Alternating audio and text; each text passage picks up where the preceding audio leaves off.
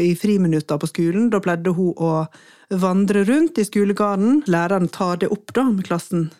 At Lina går så masse alene. Hun tenkte at Lina er, er ensom, og må ha, må, her må vi følge opp så hun kan få vennskap. Eh, men det var hun jo ikke det var jo ikke det hun var Det var ikke derfor hun gikk rundt alene i friminutta, det var fordi at hun hadde faktisk bruk for det. Bruk for den pausen. Ja, for jeg tenker at selvfølgelig relasjoner er viktig. Eh, vennskap kan være veldig viktig også for barn, men det kan samtidig være en litt sånn uh, uheldig sosial status knytta til det der å ha mange venner.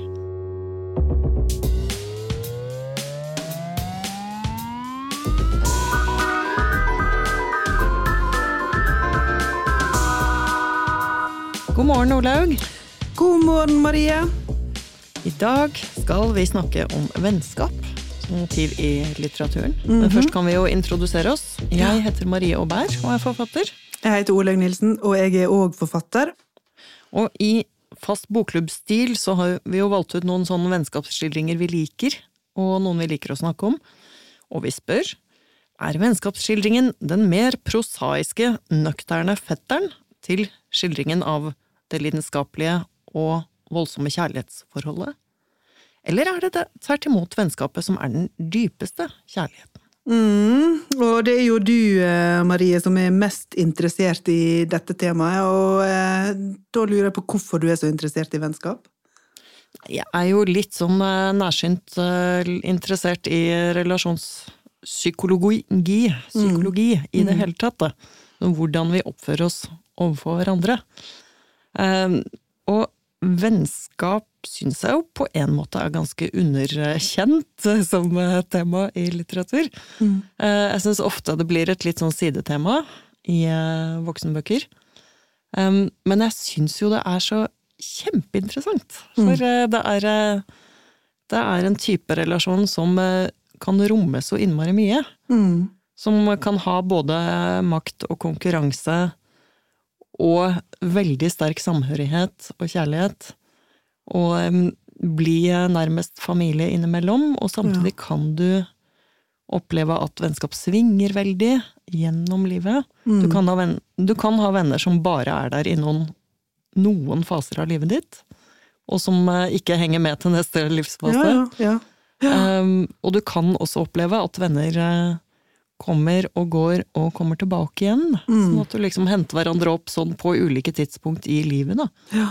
Og det Noen ganger er det jo sånn rene tilfeldigheter som avgjør det. Mm. Og andre ganger er det, er det litt sånn at man merker at man har behov for hverandre tross alt.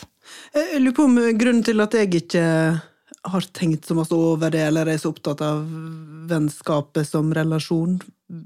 Det er jo kanskje det at jeg har faktisk fire søstre på min egen alder, og, eh, så vi er jo både familie og, og, venner og har vokst opp veldig tett.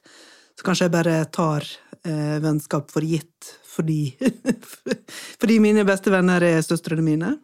Ja, ja, men det tror jeg faktisk kan ha ganske stor betydning. Mm. Altså, jeg var enebarn til jeg var nesten 20. Ja, ikke sant. så for meg mm. fikk jo eh, venner, eh, og særlig sånne venner som nesten er, nesten er familie, da. Mm. Som man har kjent siden man var veldig liten. Ja. Det, det, fikk jo veldig stor betydning. Mm. Og eh, for meg har nok venner fungert gjennom livet i ganske stor grad som familie. Mm, Eller som veldig viktig ja. del av hvem jeg er. og og hva slags nettverk jeg oppfatter at jeg har. Da. Ja, ja, skjønner. Og vi snakket litt eh, nå skal ikke vi ta, vi snakket litt om oppvarming eh, til episoden om eh, eh, problemet med å velge mellom venner til eh, forlover. Eh, og du skal slippe å si hva du sa. men, ja. men jeg hadde som forlover ei av mine søstre. Faktisk.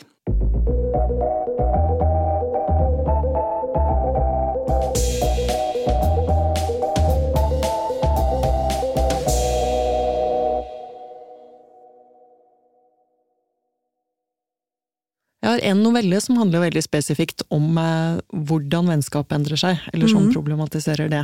Ja. Og det er den som heter Gammelt ektepar. Skrevet delvis litt på inspirasjon fra en film som heter Frances Ha. Ja. Men det, den, den, novellen foregår liksom i det tidsrommet hvor det er vennskapet som er grunnfjellet i livet, på en Ja, måte. da. Ja. For eh, særlig i 20-åra, hvor du er sånn mellom den der familien du er vokst opp i, som du nå har flyttet ut av. Du har ikke ennå dannet din egen sånn eh, enhet og familie med type partner eller eh, med barn. Så eh, vennskapene er veldig, veldig sentrale da. Ja. Så det her er to jenter som har vært, vært sånn veldig, veldig tett, som jeg syns særlig jentevennskap kan være, da. Mm. Sånn at man låner klær av hverandre, og man nettopp. Omtrent sover i samme seng, og man eh, kliner liksom på de samme nachspielene, ikke nødvendigvis med de samme guttene, men du skal ikke se helt bort fra det heller, på en måte. men, det, men hvor eh, radikalt det kan kjennes, og Ja. hvor eh, opprivende det kan kjennes, Mm. når et sånt vennskap endrer seg. Ja. For, for her skjer det at den ene venninna får seg en kjæreste og flytter sammen med han. Og hun, det er hun som heter Ellen, og hun har ikke da lenger så mye bruk for Mina. Nei, nettopp. Som, eh, Bruk for. Ja. Som vi er eh, på Det er Minas synsvinkel som er ja. skildret. Mm. Og, og hun blir jo sånn eh, litt forlatt, ja. rett og slett. Ja. Men i motsetning til med kjærlighetsrelasjoner, så må du liksom bare skjønne dette på egen hånd når Ja, disse forandringene skjer. Ja. Det er aldri noen sånne møter med nå kan ikke vi være venner på denne og denne måten lenger, så Nei, eh, nei. here's how it's gonna be. ja, ikke Liksom. sant. Ja. Det, det er ikke noen klare avslutninger, det er ikke noen klare sånne mm, manualer, nesten, når, eh, når vennskap endrer seg. Mm. Og det kan oppstå en ganske sånn eh, ja, maktskeivhet, eller hva man skal kalle det. Da. En litt sånn ufrivillig maktskeivhet, kanskje. Ja, ikke sant. Når det er en som ikke lenger har så behov for den Og da er jo det, altså, men behov for For det kan en jo det kan en jo òg diskutere, ikke sant. Altså er vennskapet hva du har behov for? Eh, altså er det liksom en sånn bytterelasjon eh, konstant, eller er det er det en vennskapsrelasjon? Skal du forvente av en vennskapsrelasjon at vennen stiller opp uansett? Og det er du vel egentlig inne på at eh, det kan en ikke forvente. Nei, og så har man kanskje ulike forventninger, først og fremst. Da. Ja, ikke sant? Ja. Det er jo veldig ofte det, at Ja. eh, noen vil si at en venn er en som skal være der for deg sånn Mm. uansett, og det er jo den der gamle sayingen med en venn er en som hjelper deg å grave ned et lik i skogen. Uh, ok. Uten å spørre Ja. hvor det kommer fra. Det, Nei, det er jeg ikke enig i, men det, Nei, det er ikke jeg heller enig i. så hvis du, dreper, hvis du dreper noen, Marie Men den der Så, nei, ja, nei, eh, nei. Det, Hvis jeg gjør det, så skal, jeg, skal du slippe. Ja, da må du spørre noen andre. Da skal jeg spørre noen andre. Ja.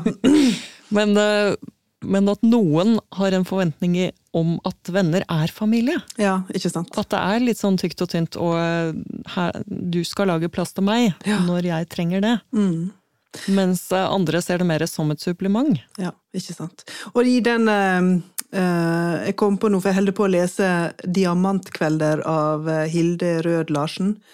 Og jeg holder ikke på å lese den fordi at jeg var så veldig interessert i å, å, å vite hva Hilde Rød Larsen skriver om vennskap. Uh, Det er jo fordi den har blitt aktuell i det siste. eh, Som en metoo-roman. Men det er en fin vennskapsskildring i 'Diamantkvelder'. Eh, Det er en roman der eh, hovedpersonen Agnete eh, har, blir venn med Jenny, og det er utgangspunktet for metoo-tematikken, fordi at det- som skjer da, og dette er jo eh, allmenn kjent, det er at Agnete ja, hva skal vi si da, blir forført av en psykolog som heter Kristoff. Og grunnen til at Agnete blir kjent med Kristoff, det er fordi at han er faren til venninna Jenny. Ja. Eh, Men sånn som det vennskapet blir beskrevet, eh, så er det et veldig intimt vennskap. eh, Som blir etablert i studietida. Og de er så nære hverandre at de sover i samme seng, bader sammen i badekaret, og eh, er tett inntil hverandre. eh, Både fysisk og eh, i hvordan de snakker altså, Det står ikke så mye om hva de snakker om, men en får jo inntrykk av at de snakker veldig, veldig, veldig nært sammen. Men uten at det står rett ut at Jenny skjønner hva som har skjedd mellom Agnete og faren, så blir det beskrevet at det vennskapet smuldrer opp. Og, og at de bleikner for hverandre og trekker seg unna hverandre. Um, og det òg er jo uh, Og det, det, illustrerer jo kanskje det du sier med at en, en uh, Det er ikke noen faste regler, sant? men altså, du kan jo kanskje si at det, der, det at, at det skjer en sånn der avstand, at avstanden bare oppstår, og at en slutter å snakke med, snakke med hverandre og slutter å være så tette med hverandre. Altså det, jo, det ligger nok kanskje av og til en sånn felles forståelse i eh, et avbrutt eh, vennskap. Ja, noen ganger er det jo en felles forståelse. Mm.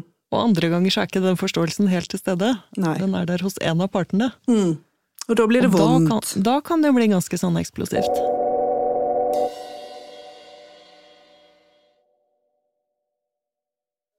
Per Petterson syns jeg jo er en forfatter som eh, skildrer vennskap på en eksepsjonelt fin måte. Ja.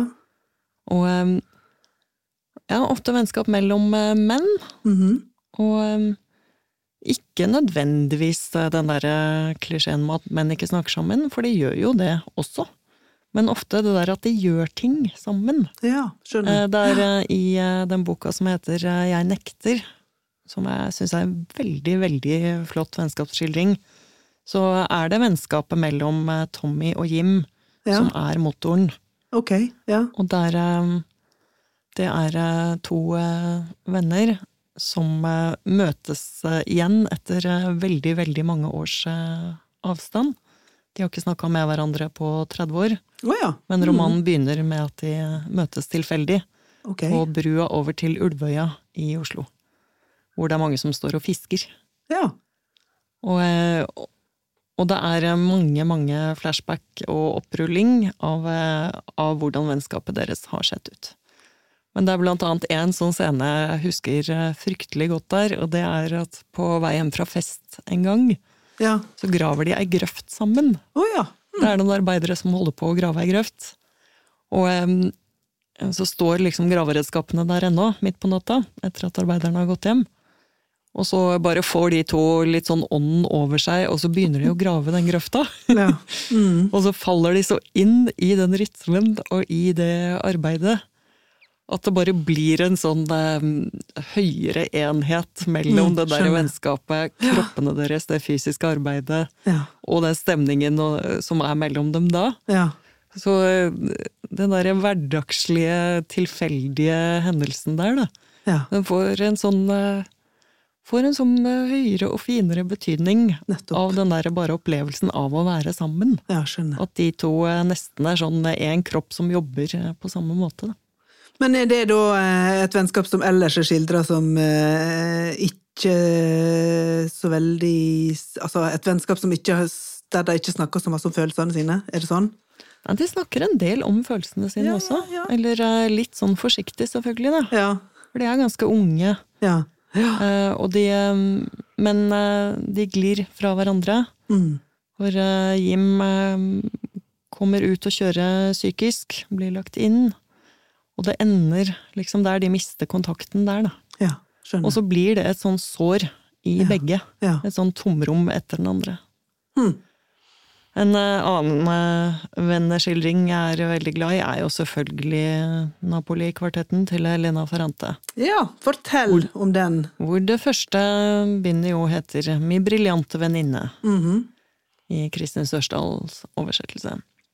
Og det er jo selvfølgelig en stor, episk romankvartett om eh, eh, et Italia i utvikling. Det er jo et veldig bredt sånn eh, blikk på samfunn i endring også. Ja.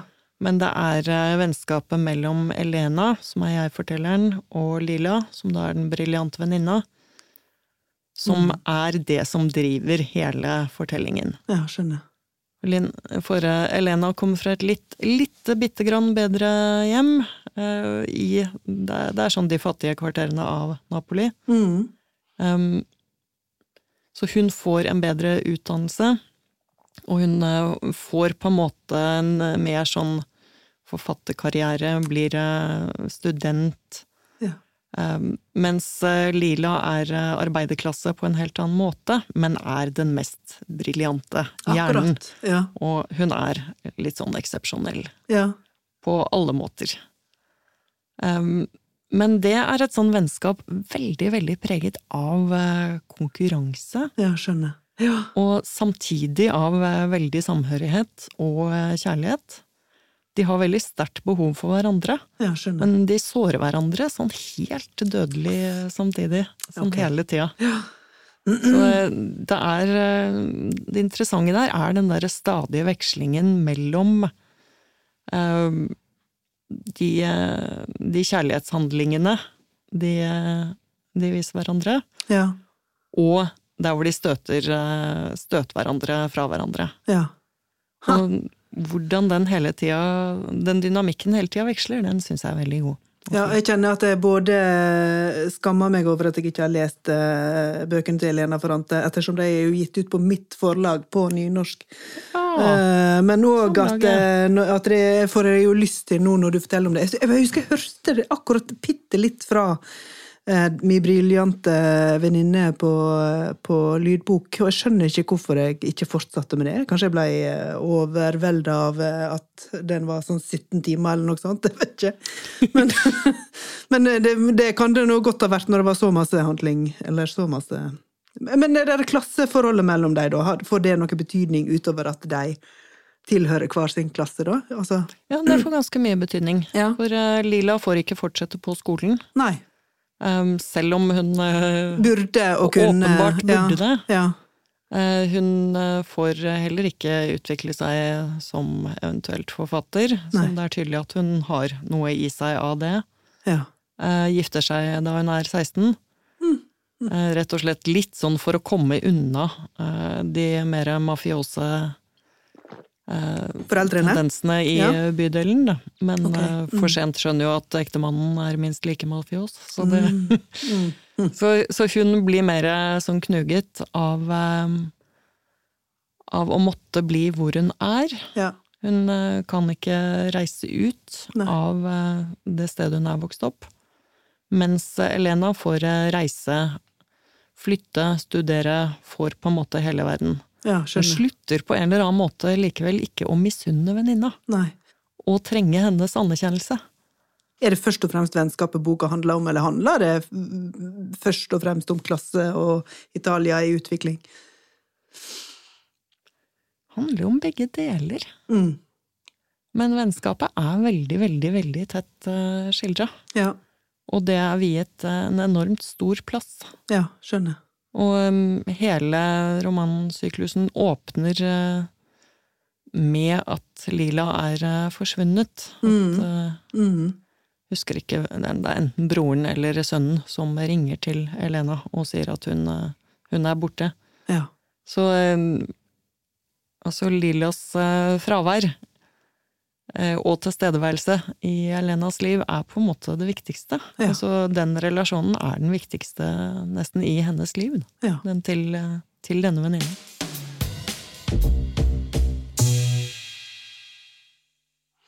Men da er det jo noe, for du har med deg enda ei bok, og det er Mine venner av eh, Monica Isakstuen, og den er vel eh, Den er vel ikke Ja, eh, du sier at det er ei antivennskapsbok. Ja, det er nesten det. Hva betyr det, da? eh, Den eh, synes jeg jo Selve utformingen er jo så morsom, for den, eh, den ser ut som en sånn gammeldags eh, sånn skoledagbok, hvor vi hadde sånn mine, venn, mine venner som Ja. fyller ut mine klassekamerater. Ja, ja, jeg husker jo det. Sånn. Ja. Ja. ja. Men her er det en litt sånn eh, utforskning av de jævlige vennskapene, nesten, da. Eller de litt likegyldige vennskapene. Mm. Og eh, ja, vennskapenes vrangside. Eller venninneskapenes vrangside. Mm. Det, er, eh, det er langt på vei en dramatisk tekst. Altså hun, Monica Isakstuen er jo også dramatiker. ja. Hvor ulike venninner har sånn hver sin monolog. Altså Ja, det er en å, en å snakke om hår med, Mhm. En som bare glatter over. En som har det litt vanskelig. Og så eh, blir hovedpersonen liksom konfrontert med den samlede vekten av hvor mange ulike og helt sprikende vennskap hun har. Mm. For um, den uh, interessant problematiserer, jeg, er jo det der med hva er det igjen av eh, cellet? Eller eh, hvem er du hvis du er eh, ekstremt tilpasningsdyktig, da? Hvis du Ja. kan ha venninner og venner Mm. som er helt sånn genuint ulike, og du kommer ut av det med alle. Ja, Det er sånn som jeg kjenner på også, for jeg har ganske forskjellige venner, for Ja. så vidt. Men er det noe sånn sjølutslettende i oppførselen til hovedpersonen, da? Eller? Ja, det er jo litt det hun lurer på, Ja. i hvert fall. Mm. Og det begynner med at eh, hun eh, blir litt sånn fordømt av en eh, venninne hun har vært tett med. Fordi hun som er hovedpersonen har valgt å gå tilbake til en mann Ja. som ikke venninna syns hun skulle det. Ja. Og hvor hun i tankene, mm, eller i fantasien, har et helt sånn vulkanutbrudd av et raseri, da. Mm. overfor den venninna, og drømmer om liksom å dytte henne ned trappa og slå inn skallen på henne og se hjernemassen tyte. Ja. Det, det er sånn helt, helt sånn rasende. ja, jeg har hørt Pia Tjelta lese den scenen høyt på Kapittelfestivalen. Det er. Raseri er jo en Ja. ganske viktig drivkraft i flere av Monica Isakssons bøker. Mm. Og her er det jo det der raseriet over uh, hvor mye makt og hvor mye innflytelse venner kan ha over en. Ja. ja. Og, em, og den opplevelsen av at informasjonen om deg, som du har gitt en venn, Ja. er ikke nødvendigvis trygg i det øyeblikket vennskapet begynner å surne Nei, nettopp. Nei. og se annerledes ut. Så det, det er sånn vrengebilde av det som har vært en, eh, Ja. en positiv ja, relasjon. jeg da. skjønner det. Så, altså, fortroligheten blir brukt som våpen, da. Ja, den kan Ja. jo det. Mm. Mm. Det du har sagt om deg selv, og det du har eh, vist noen, Ja. er ikke i trygge hender lenger. Nei, nettopp. Mm. Det finnes en sosiolog eh, som Nei, eller er hun lingvist, kanskje? eh, Som heter Deborah Tannen. Som har eh, skrevet ulike bøker om hvordan man snakker med hverandre Ja. eh, i ulike typer relasjon. Og hun har en eh, bok om eh, kvinnelig vennskap som heter You're the only one I can tell. Oh, ja. Dette sier ja. jeg bare til ja. deg, altså. Ja, ja, ja. ja. Hvor hun blant annet eh, peker på sånn bytte av hemmeligheter, eller av fortrolighet. Det er, det er et sånn viktig, ofte viktig innslag i, i kvinners vennskap. Hm.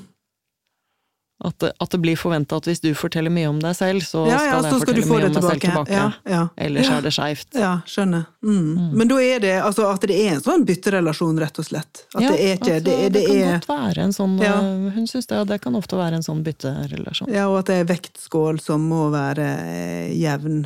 Eh, Mm. Ja. -hmm. Det, er- det er valuta, på en måte. Syns du at, det, at fortrolighet er valuta?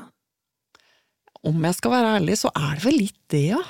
Ja. Det er jo litt sånn at Jeg har kjent på noen ganger at hvis jeg har fortalt sånn veldig, veldig mye om hvordan jeg har det, hva som foregår i mitt liv, og, liksom, og så får du ikke kanskje helt respons på det, og så vet du ikke helt Nei. noe tilsvarende Men, nei, nei, men altså vi jo, litt, du føler deg jo litt sånn dum. ja, men, men da vil jo jeg si at det, er responsen som er valutaen, egentlig, ikke fortroligheten. For jeg vil jo si det at hvis jeg forteller noe til en venn, og trenger respons, og ikke får respons, da er jo det verre enn at vennen ikke forteller noe fortrolig tilbake igjen. For det er jo veldig er ulik grad av hva slags eh, ja, hva, altså, hemmeligheter en har, eller hva, slags, hva som skjer i livet ens som eh, eh, som en ikke kan dele med alle, da. Eh, så jeg vil jo heller si at det er responsen som er valutaen der, ikke fortroligheten. Begge Eh, deler, Hæ? tenker jeg. jeg Begge deler? Begge deler. Det skal i prinsippet ikke være sånn, tenker Nei. jeg. At, eh, at man må være jevn på hvor mye privat man forteller. Nei.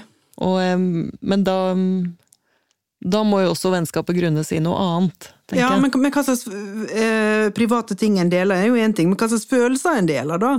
Mm. Eh, det kan, behøver jo ikke være det samme som hva slags private ting en deler. Men hvis en i et vennskap deler veldig masse om hva en føler om eksempel vennskapet, da, eller hvordan en eh, hvordan en eh, Og ikke får noe tilbake igjen på det, da. Eh, så tror jeg nok at eh, jeg hadde tenkt at det her vennskapet er kanskje ikke så bra. Nei, og det ligner jo alle mulige andre relasjoner. Altså Ja. Kjæresteforhold kan jo også være en som er veldig, veldig eh, skravlete og flink til å brette seg ut, og en som er, er veldig privat, på Ja. måte, eller deler veldig lite. Ja. Det handler, men det kan jo handle om kompetanse òg. Hva eh, Språkkompetanse og eh, ja, skal vi kalle det emosjonell kompetanse? Mm. Ja. Men det, nå høres det jo bare mer og mer eh, teknisk ut. Eh, Eller ulik grad av eh, hvor stor vekt man legger på rasjonalitet. Sånn der, nei, det kan ikke du forlange av meg, for Ja. Mens den andre er men jeg må få komme med alt jeg har.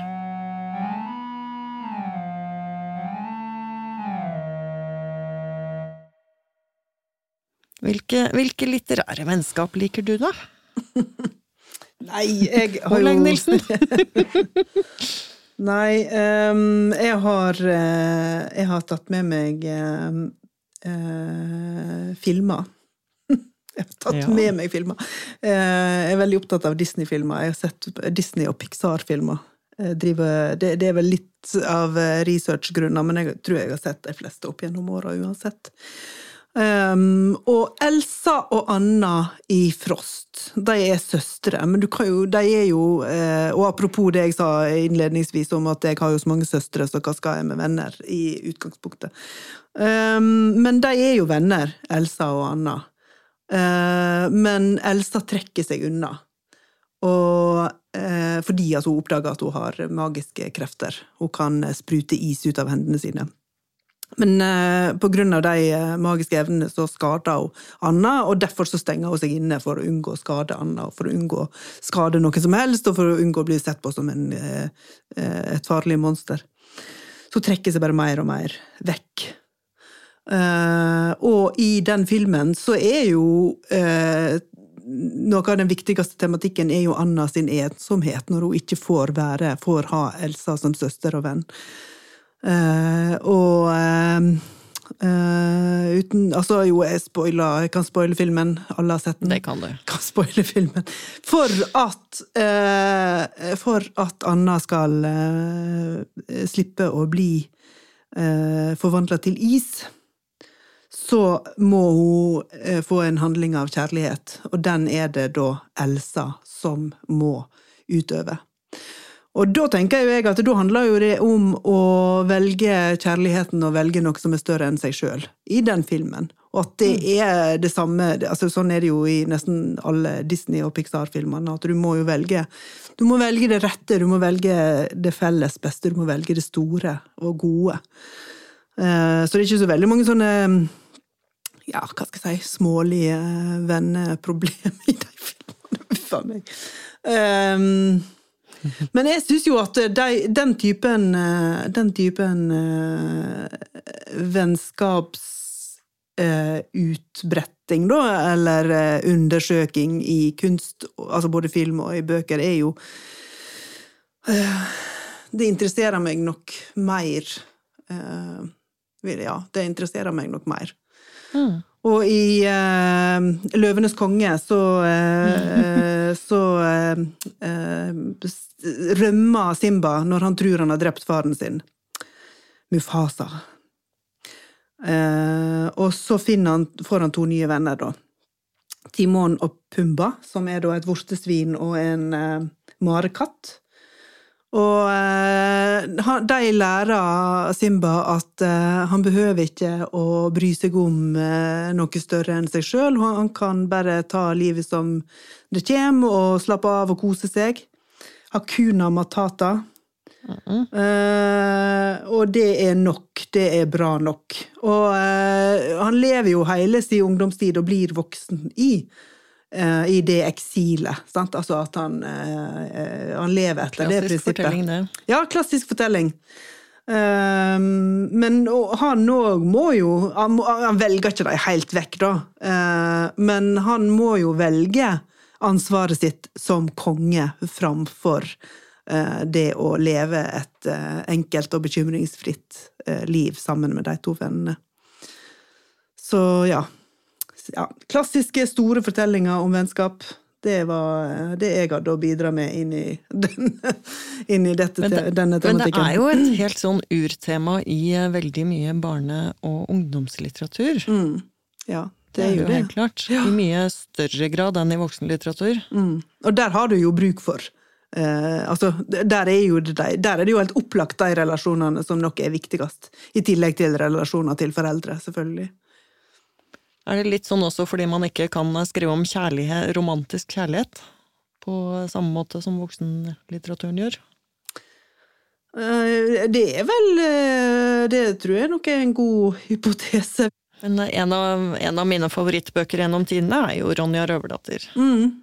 Og, eh, og der er jo vennskapet mellom Ronja og Birk er jo en sånn eh, Romeo og Julie-historie, egentlig, Ja. Ja. på mange måter. Det er jo Ja. minus romantikken. Ja. Og det er jo eh, det er jo veldig greit, de er så unge. Ja. Men, eh, Men det blir vel er jo- nevnt i boka og, og at eh, vi får nå se hvordan det blir med det når dere blir eldre. Ja, ja, ja, stemmer det. Men det. det er jo bare som en sånn eh, side, en bisetning sagt av Mm. Birk sine foreldre, tror jeg. Men den biten er jo liksom ikke en del av fortellingen. Den tilhører ikke det, Nei. det tilhører ikke den verden. Nei. Men, men det vennskapet er jo sånn helt ekstremt sterkt Mm. eh, og viktig Ja.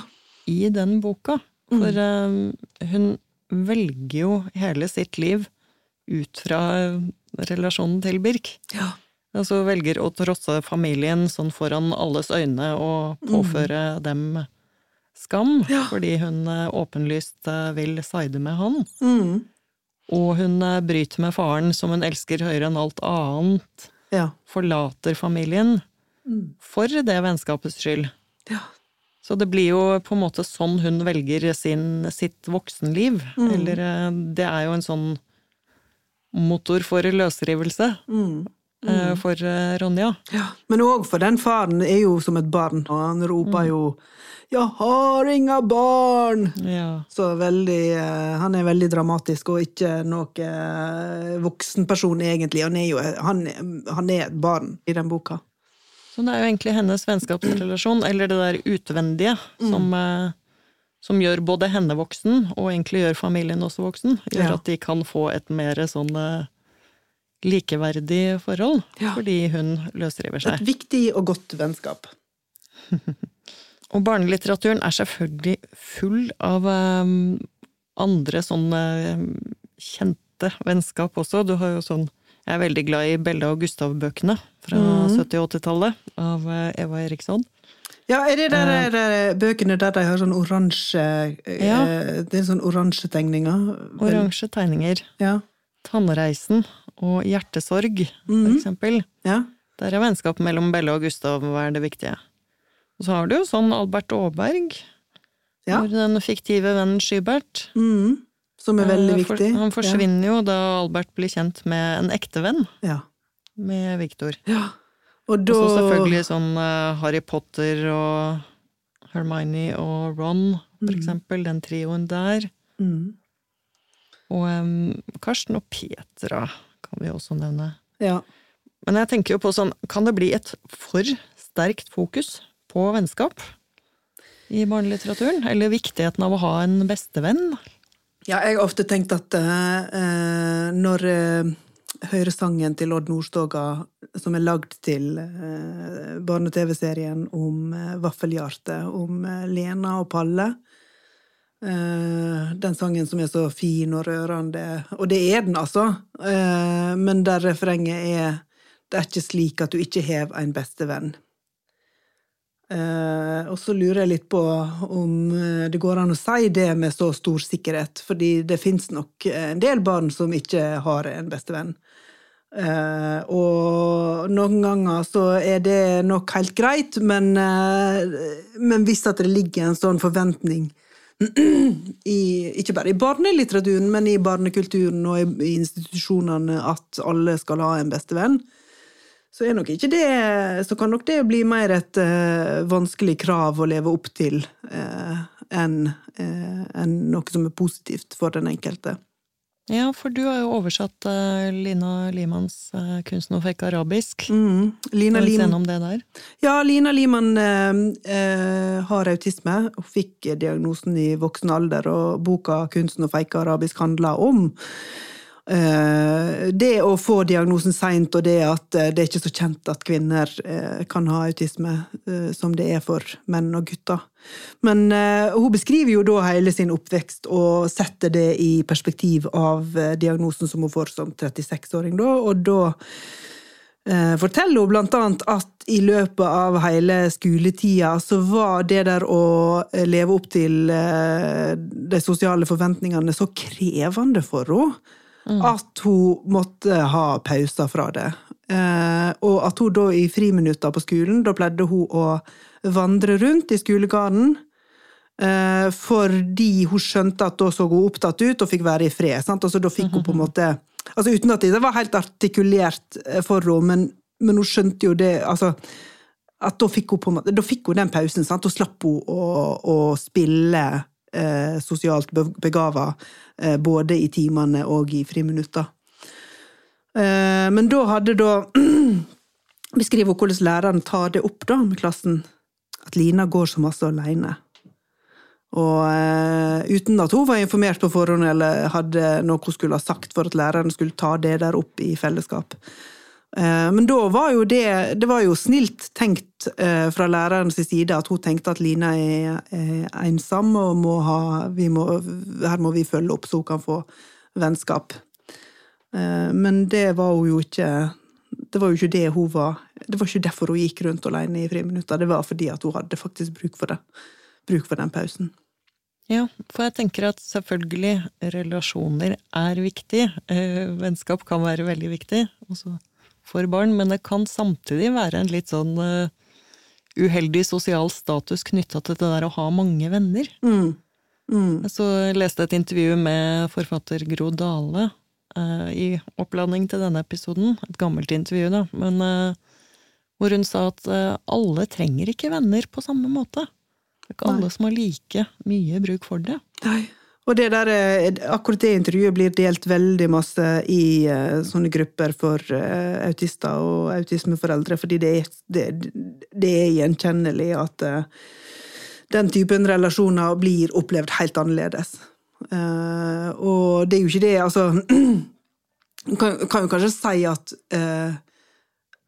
den, altså den påstanden 'alle har ikke bruk for venner', er kanskje ikke helt riktig, den heller. Fordi at en, en eller annen form for vennskap eh, jeg vil jo jeg tro uansett er sunt for alle, men så er jo spørsmålet hvordan Altså hva slags definisjon av vennskap skal en da legge til grunn? Eh, Og det vi var inne på i stad, med liksom hvor masse kan du forvente av en venn? Av intimitet, av fortrolighet, av eh, å stille opp. Um, at det vil jo variere fra person til person, og, eh, og eh, ja.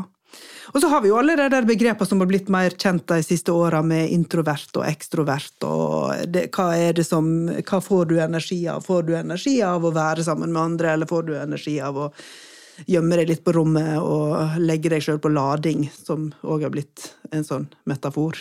Mm. At dette vil jo variere voldsomt. Hva har du mest bruk for? Jeg er sannelig ikke sikker.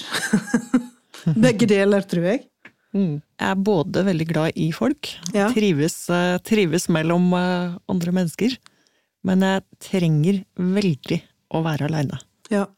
Og ha ganske gode strekk hvor jeg kan være aleine. ja.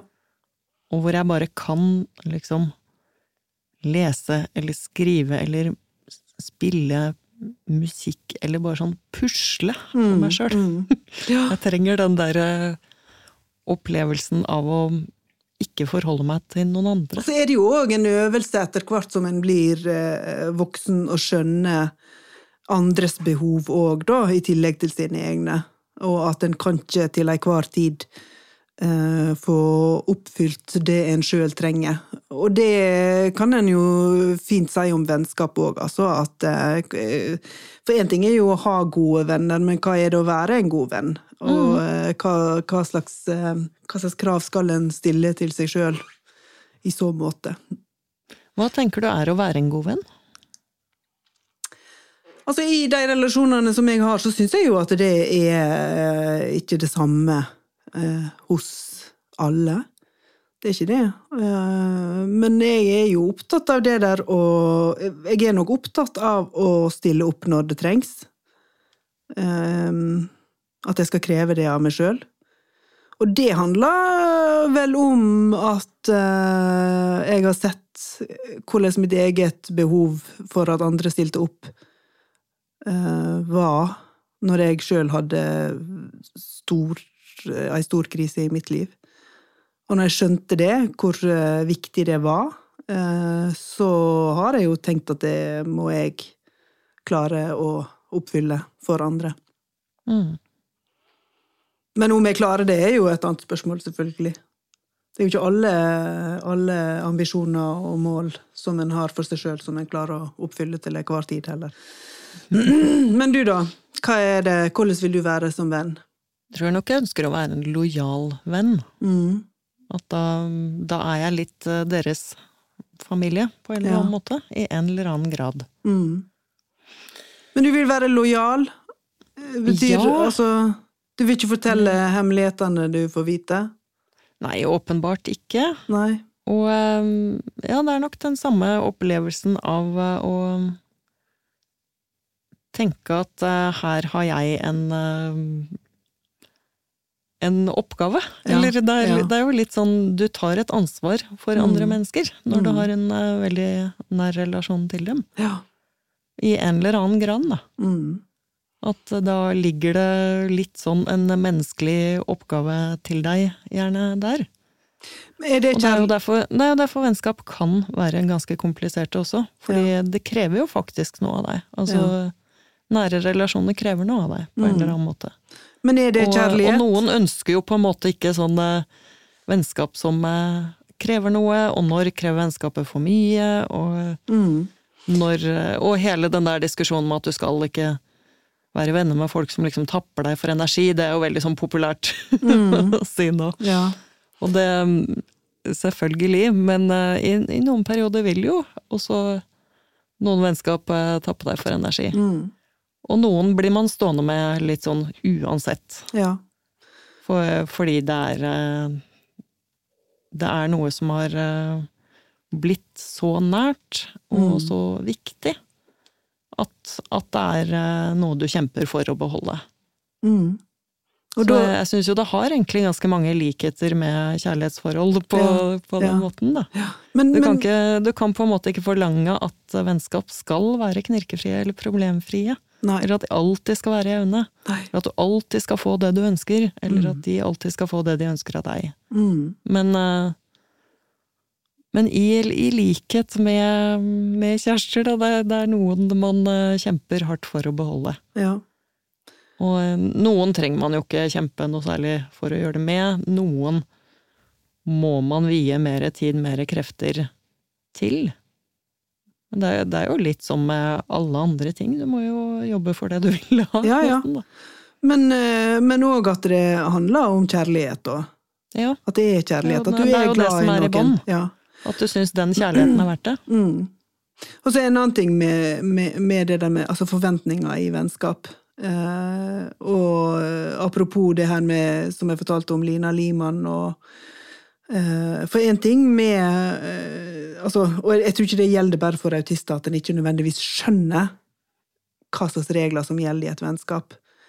Fordi det kan jo være uklart, og det kan jo være ulike forventninger uansett. Um, men det å være såra fordi en venn ikke ser at du har det vondt, da, for eksempel, mm. eller ikke ser akkurat hva du trenger, det har jeg uh, i de siste åra bare funnet ut at jeg må spørre, da. Jeg må spørre, eller jeg må be om at det blir sagt rett ut. Um, nettopp fordi at jeg skjønner at det er jo ikke bare Altså, alle kan jo misforstå, alle kan jo stille for store krav, og alle kan overse subtile signal, da. Sjøl om og vennen det tror. syns jeg i hvert fall er sånn del av å være et voksent menneske. Du Ja. har ansvar for å kommunisere hva det er du trenger, og hva du har bruk for. Mm. Og hva du trenger av en annen person. Du kan ikke gå rundt og forvente at alle skal gjette hvordan du har det. Nei.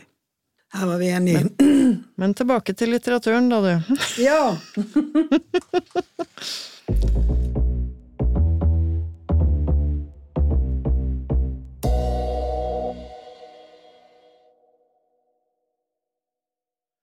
I Nina Lykkes eh, nyeste roman, eh, Vi er ikke her for å ha det morsomt, eh, der er det et vennskap jeg liker veldig godt. ja, de to i det vennskapet er ikke i det vennskapet for å ha det morsomt. Nei, de er jo på en måte ikke det, men det er jo også et veldig sånn avklart vennskap. Mm. Altså det er mellom Knut, som er hovedpersonen, som er en has-been-forfatter. Mm. En fallert forfatter. Og hans egentlig eneste gode relasjon er jo til eh, naboen, som heter Frank. Ja. Og Frank er eh, i et hemmelig forhold med en gift mann. Hver gang Frank er eh, på i det forholdet, eller hver gang han kommer på igjen i det forholdet til den gifte mannen M, så får Knut vinen til Frank. Og det er jo en helt sånn der klar avtale i det vennskapet, og uh, han vil jo gjerne ha den der vinen, sant? Så, dette, så det der er jo en helt sånn byttehandel uh, Altså en konkret byttehandel, egentlig. Men jeg tenker at det, det er egentlig litt sånn sjeldent varm relasjon i Nina Lykkes bøker, faktisk. For eh, de har, de har et veldig sånn avslappa forhold. Og det, det er ikke et forhold hvor de tar sånn masse hensyn til hverandre. Altså, eh, Frank blir med Knut eh, til litteraturfestivalen på Lillehammer, for eksempel. Mm. Og er bare en sånn gratispassasjer der. Det er jo egentlig Knut som har hotellrom og skal være der. Ja. Men så melder den her gifte elskeren seg på. Og da eh, bare kaprer Frank Knuts hotellrom Mm. for å være der med elskeren. ja. Så, så Knut har ikke noe sted å sove, og der er jo Frank helt hensynsløs. Bare tupper ut han for et godt ord. Mm. Men likevel så er liksom eh, Jeg oppfatter dette som en ganske sånn genuin og varm og respektfull eh, relasjon på en eller annen måte. Mm. mens... Sel Selv om de er helt sånn eh, Ja, men da får jeg ikke skrevet, sier Knut, og Frank sier ja, men det gjør du jo aldri uansett. Så, ja, men samtidig så er det jo veldig altså Det blir jo skrevet rett ut at eh, de hadde aldri vært venner hvis ikke det var for at de bodde eh, vegg i vegg. Nei, nei. Eh, og det blir jo òg sagt rett ut at uh, de eh, har Altså, de må ta det de får, og det de har av vennskap. Altså, det er ikke noe sånn der eh, det er ikke noe sånn romantikk rundt det vennskapet i det hele tatt. Og da mener jeg Ikke ikke sånn der kjæresteromantikk, men det er ikke noe sånn der eh, opphausa tanker om hva et vennskap er. Det er ikke sånn at de har eh, vært heldige som har funnet hverandre. De tar til takke med hverandre, og så er det bra nok, da. Ja, og det er faktisk bra nok. Ja. Og de verdsetter det Ja. på en eller annen måte. Det er jo i hvert fall den eneste litt sånn eh, ordentlig, ja, genuine relasjonen i Knuts liv, tenker jeg, da. Ja. Av sånne Mm. avsla avslappede møter mellom, eh, med noen han er glad i. Mm. Og Knut har jo ikke akkurat veldig mange en, eh, forfattervenner. Eh, for sånn som han beskriver forfattermiljøet, så er jo det et ganske råttent og eh, konkurranseprega og ubehagelig eh, miljø å være i. Ja, der er folk eh, bare sånn venner med deg så lenge de kan tjene på det. Ja. Så lenge du er populær. Ja. Og så er det masse, mange fortellinger om at eh, de ligger med hverandre, da. Også, eh, og hver gang en forfatter har ligget med Knut, så skriver forfatteren om det i sin neste bok. Så det òg er jo veldig, veldig eh, Jeg vet ikke, kjenner du deg igjen i dette, Marie Aubert? Jeg tror ikke jeg har ligget med så mange forfattere. Men de du har ligget med, har du skrevet om dem i ettertid i bøkene dine? Ikke forfatterne. Men har du mange venner som er eh, forfattere? Ja, det har jeg. Eh, og La merke til hvordan jeg styrte dette veldig raskt videre. ja. ja. Nei, men jeg har jo vært forfatter uh, hele mitt voksne liv. Uh, og uh, mange av vennskapene mine ble jo til da, når jeg begynte å, å gi ut bøker. og en av de forfatterne som jeg har vært venner med lengst, er Gunnhild Øyehaug.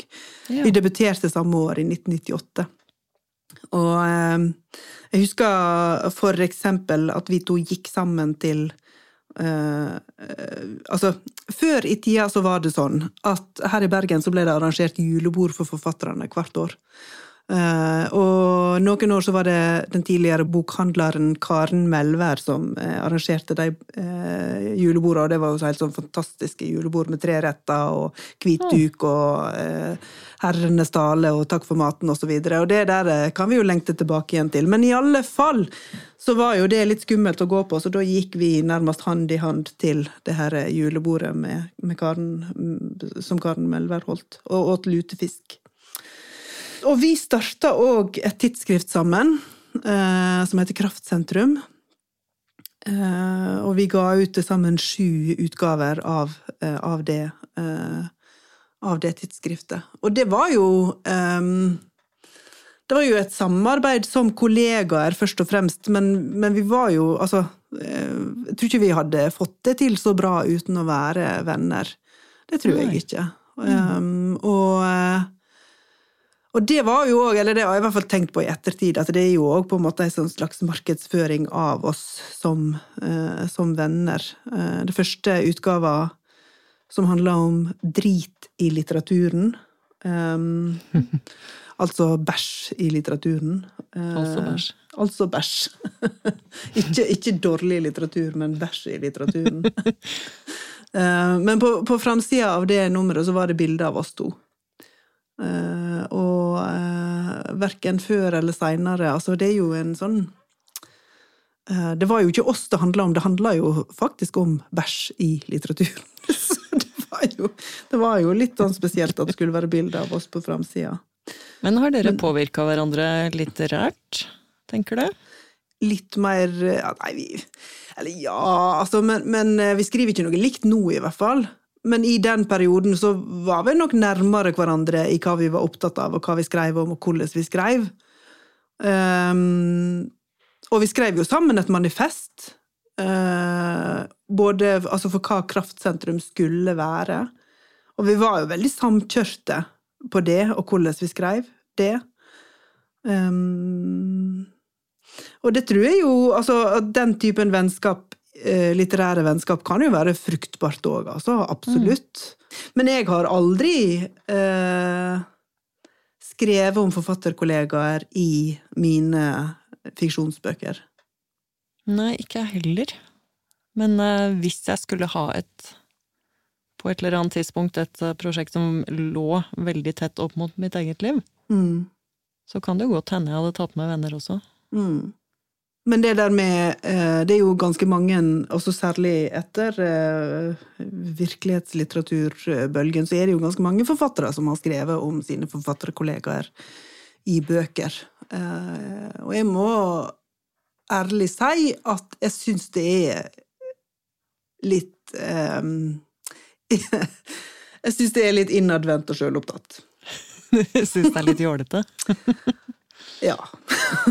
ja, men Altså, nei, ikke jålete. Jeg syns det er mer sjølopptatt. Innadvendt og sjølopptatt.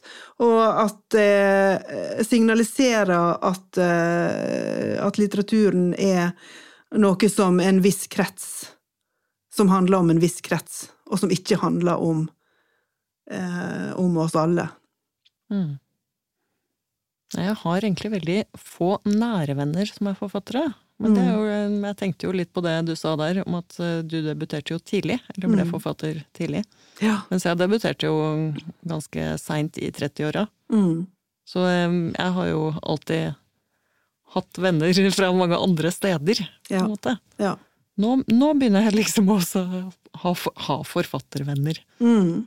Men, eh, men de fleste driver jo med helt andre ting.